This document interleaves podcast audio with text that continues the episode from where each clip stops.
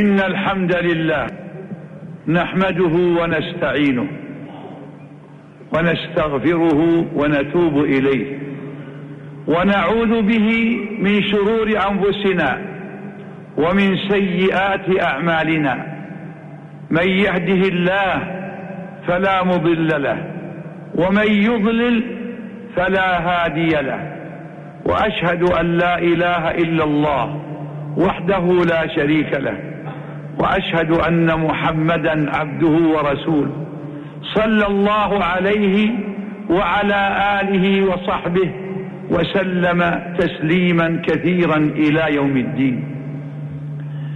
أما بعد فيا أيها الناس اتقوا الله تعالى حق التقوى.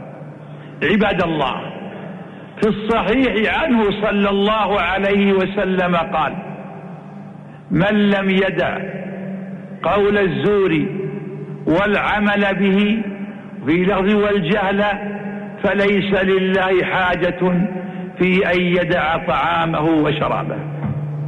أخي الصائم أخي الصائم إن امتناعك عن الطعام والشراب والنساء في نهار الصيام ليست الغاية من الصيام.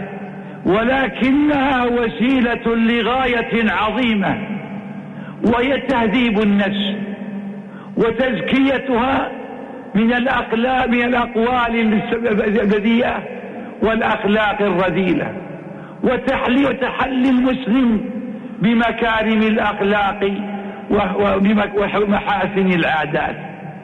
أخي الصائم عدم أخي الصائم امتناعك عن الطعام والماء والنساء مع عدم ترفعك عن قبيح الأقوال وسيء الأعمال يجعل صومك صوما ناقصا صوما غير مرضي عنه صوما تطرق النقصان. فإياك وإياك أن تذهب ثواب صيامك إياك أن يكون حظك من صيامك. مجرد الظمأ مجرد الجوع والظمأ. وليكن حظك من صيامك المسارع إلى فعل الخير وتهذيب النفس وتزكيتها. قول الزور وعمل الزور. كل قول باطل وكل كل الأقوال الباطلة من أقوال الزور. فالكذب وشهادة الزور والغيبة والنميمة والسب والشتم واللعن والسخرية والإحتقار وانتقاص المسلم كل ذلك من الأقوال السيئة وكلها من الزور والبهتان. فالمسلم صادق في أخباره صادق في شهادته. المسلم بعيد عن هذه الأقوال السيئة. لسانه يصونه عن كل قول سيء.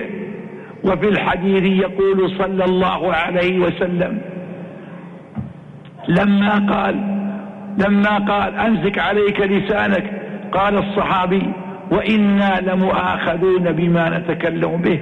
قال ثكلتك أمك يا معاذ وهل يكب الناس في النار؟ أو إلا على وهل يكب الناس في النار على وجوههم؟ أو قال على مناخرهم إلا حصائد ألسنتهم أخي الصائم أخي الصائم الصائم حقا من ترفع عن الكذب سواء كان هذا الكذب كذبا على الله أو كذبا على رسوله صلى الله عليه وسلم. فذاك أشد أنواع الكذب والافتراء. ولا تقولوا لما تصف ألسنتكم الكذب؟ هذا حلال وهذا حرام لتفتروا على الله الكذب. إن الذين يفترون على الله الكذب لا يفلحون متاع قليل ولهم عذاب أليم. الكذب على محمد صلى الله عليه وسلم من أشد أنواع الكذب. يقول صلى الله عليه وسلم من كذب علي متعمدا فليتبوأ مقعده من النار. شهادة الزور من من أنواع البهتان والظلم بأن تشهد شهادة تعلم أنها باطلة ومخالفة للواقع وأنها افتراء لتقلب بها الحقائق وتلبس بها على القضاء وتستحل بها ويستحل بها أموال المسلمين وربما استحلت بها أموال واستحل بها أموال المسلمين وربما استحلت بها أبدانهم وربما سل وربما عوقبوا عقوبات عظيمة بأسباب تلكم الشهادة الجائرة الظالمة الكاذبة. ولذا النبي صلى الله عليه وسلم لما عد كبائر الذنوب جلس وكان متكئا فجلس فقال ألا وقول الزور ألا وشهادة الزور فما زال يكررها حتى قال الصحابة ليته سكت. والله يصف عباد الرحمن بقوله والذين لا يشهدون الزور وإذا مروا باللغو مروا كراما فاحذر من شهادة الزور في رمضان وغيره ولكنها في رمضان أشد إثما وأعظم جرما. الصائم يحرص على أن لا يغتاب المسلمين ويحفظ لسانه من أن يغتابهم فينالوا من حسناته ويتحمل السيئات. المسلم يبتعد أن يسعى بالنميمة بين الناس حتى لا يفرق بين الأخوين والزوجين ولا بين الأصحاب والأصدقاء. يترفع عن ذلك لأنها خلق ذميم يترفع عن المروءات ذوي المروءات والنفوس الشريفة. ولا تطع كل حلاف مهين هماز مشاء بنميم مناع للخير معتد أثيم. الآية الصائم لسانه مهذب فليس بالسباب ولا باللعان. فإن خلق المسلم الترفع عن السباب واللعان. في الحديث ليس المسلم السباب ولا باللعان ولا بالفاحش ولا البذيء.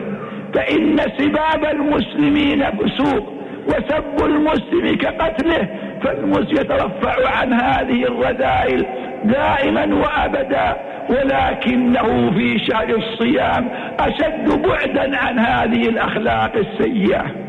السخرية بالناس والاستهزاء بهم ولمزهم بالألقاب البذيئة.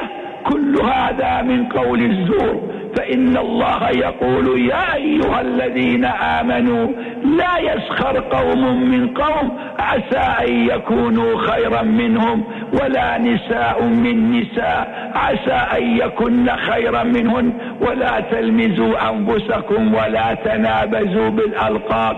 بث الاسم الفسوق بعد الإيمان. ومن لم يتب فأولئك هم الظالمون. الصائم صائل لسانه عن الجدال والمراء وما لا, وما لا يعنيه وبالحديث من حسن إسلام المرء تركه ما لا يعنيه. وفيه أيضا من كان يؤمن بالله واليوم الآخر فليقل خيرا أو ليصمت. وهنا أقف معك أخي المسلم. وقفة عظيمة تأملية. إذا علمنا أن الكذب وشهادة الزور والسخرية بالمسلمين وانتقاصهم وعيبهم ونبزهم أمور محرمة دائما وأبدا ولكنها في شهر الصيام أشد تحريما وإثما. إذا إذا لا بد من تساؤل عن بعض هذه المسلسلات الهابطة وبعض هذه المسلسلات الإجرامية وبعض هذه المسلسلات الخارجة عن الطريق المستقيم والمنهج القويم. من أقوام اتخذوا من هذه المسلسلات وسيلة وسيلة للطعن في الإسلام وأهله وعيب المسلمين واستنقاصهم. وسيلة للسخرية بسنة محمد صلى الله عليه وسلم وتشويه السنة وأن السنة النبوية موضع للسخرية والانتقاص والاحتقار. قل هل أنبئكم بالأخسرين أعمالا الذين ضل سعيهم في الحياة الدنيا وهم يحسبون أنهم يحزن صنعا نعم نحن مع النقد النافع. ومع التوجيه السليم ومع النقد النافع ومع المسلسل الهادف لكن أن يتخذ هذا المسلسل وسيلة للكذب والافتراء واستباحة الربا والطعن في المسلمين واحتقار السنة ولمز أهلها بالصور المشوهة القبيحة فهذا منكر لا يرضاه مسلم. وإن هذه المسلسلات التي يعدها من يعدها إنها لنقص على الإسلام وأهله والأسف الشديد أن هؤلاء ينتسبون إلى الإسلام ومن أبناء المسلمين ثم يضعون هذه المسلسلات التافهة الساقطة الهابطة التي لا تحقق هدفا لكن صالحا لكنها ترمي من مكان بعيد للعيب بالإسلام وانتقاص أحكامه وتعاليمه وآدابه فليحذر المسلم ذلك فليحذر الذين يخالفون عن أمره أن تصيبهم فتنة أو يصيبهم عذاب أليم.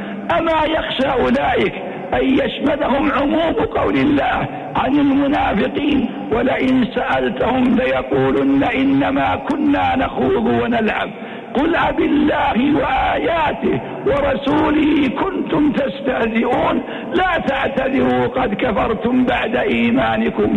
إننا مع كل مسلسل نافع وكل أطروحة نافعة تعالج أي قضية من القضايا لكن على أساس الانضباط الشرعي والسلوك الإسلامي وأن لا نتخذ منها لمزا أو همزا أو عيبا أو انتقاصا لأي خلق من أخلاق المسلمين ولا لأي مؤسسة المسلمين وإنما نعالجها بالحكمة والبصيرة مع التأدب والترفع عن رذائل الأقوال التي لا خير فيها.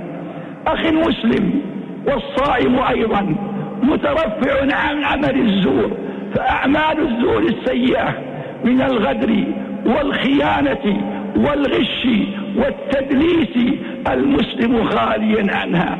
فليس عنده غش ولا خيانة ولا تدليس ولا غش في المعاملات بل معاملاته كلها نقية طيبة بعيدة عن كل ما يخالف شرع الله.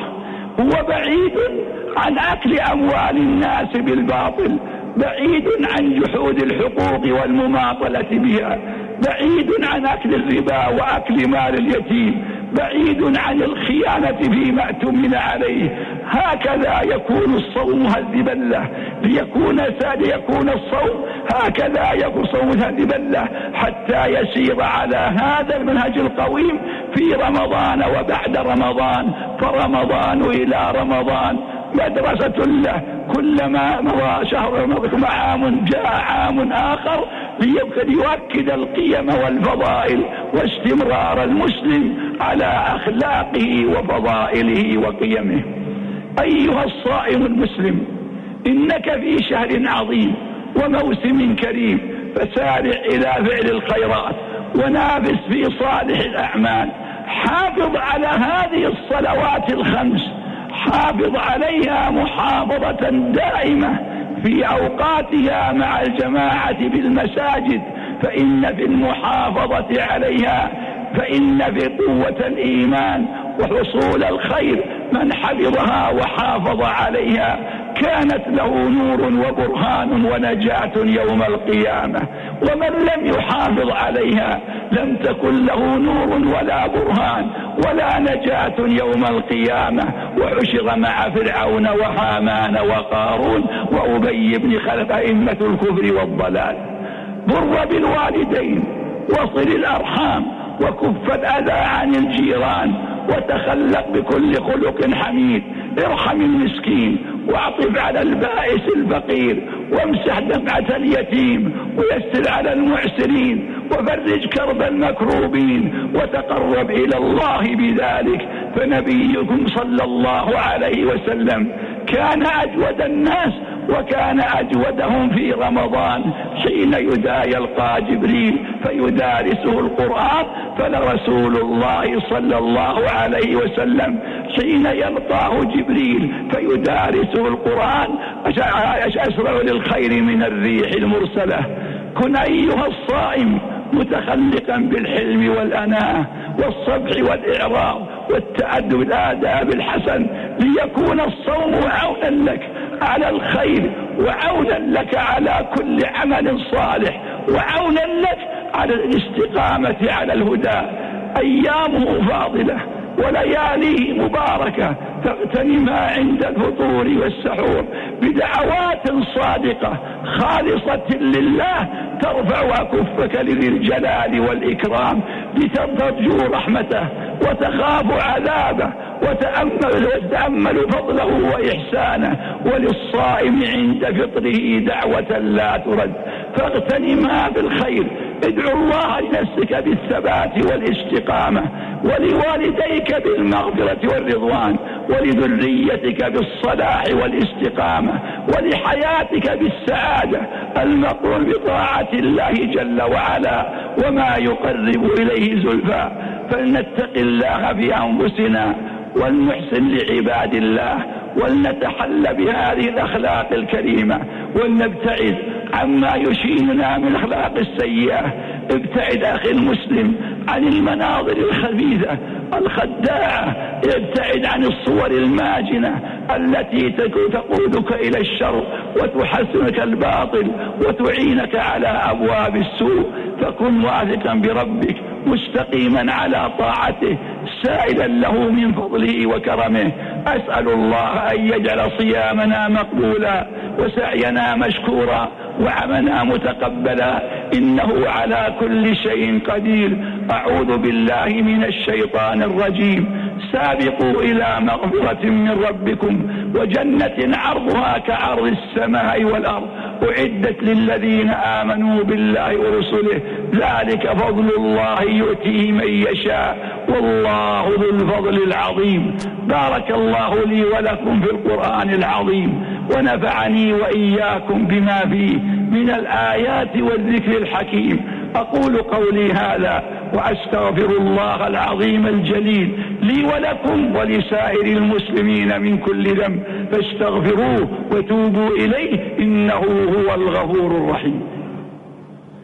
الحمد لله حمدا كثيرا طيبا مباركا فيه كما يحب ربنا ويرضى وأشهد أن لا إله إلا الله وحده لا شريك له وأشهد أن محمدا عبده ورسوله. صلى الله عليه وعلى آله وصحبه وسلم تسليما كثيرا إلى يوم الدين. أما بعد أيها الناس اتقوا الله تعالى حق التقوى عباد الله. إن سنة نبينا صلى الله عليه وسلم تأخير السحور إلى وقت الفجر وتعجيل الفطر فهو القائل إن بلالا يؤذن بليل فكلوا واشربوا حتى يؤذن ابن المكتوب والله يقول لنا وكلوا واشربوا حتى يتبين لكم الخيط الأبيض من الخيط الأسود من الفجر ثم أتموا الصيام إلى الليل. حكم شرعي ماض إلى قيام الساعة. للأسف الشديد أن الجوالات بث فيها منذ أيام رسالة. مفاد هذه الرسالة أننا نمسك للصلاة للسحور قبل الوقت بما يقارب سبعة عشر دقيقة أو عشر دقيقة. فكأن لسان يقولون إن الفجر الذي عندنا في تقويم القرى على أربع وثلاث دقائق أننا قد سبقنا الوقت وأن الوقت على أربع وثلاثة وعشر دقيقة. فيرون هذه عشر دقيقة للأكل والشرب وأن الفجر لم يطلع.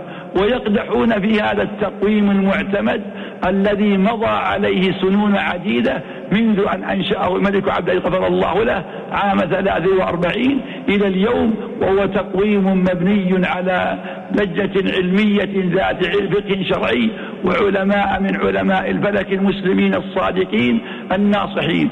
وتوارثت الأمة من ذاك الزمن إلى اليوم. فالطعن في تقويم القرى وتشكيك الناس في صيام في, في إمساكهم كل هذا خطأ لا أصل له ولا ينبغي ترويجه ولا الانخداع به.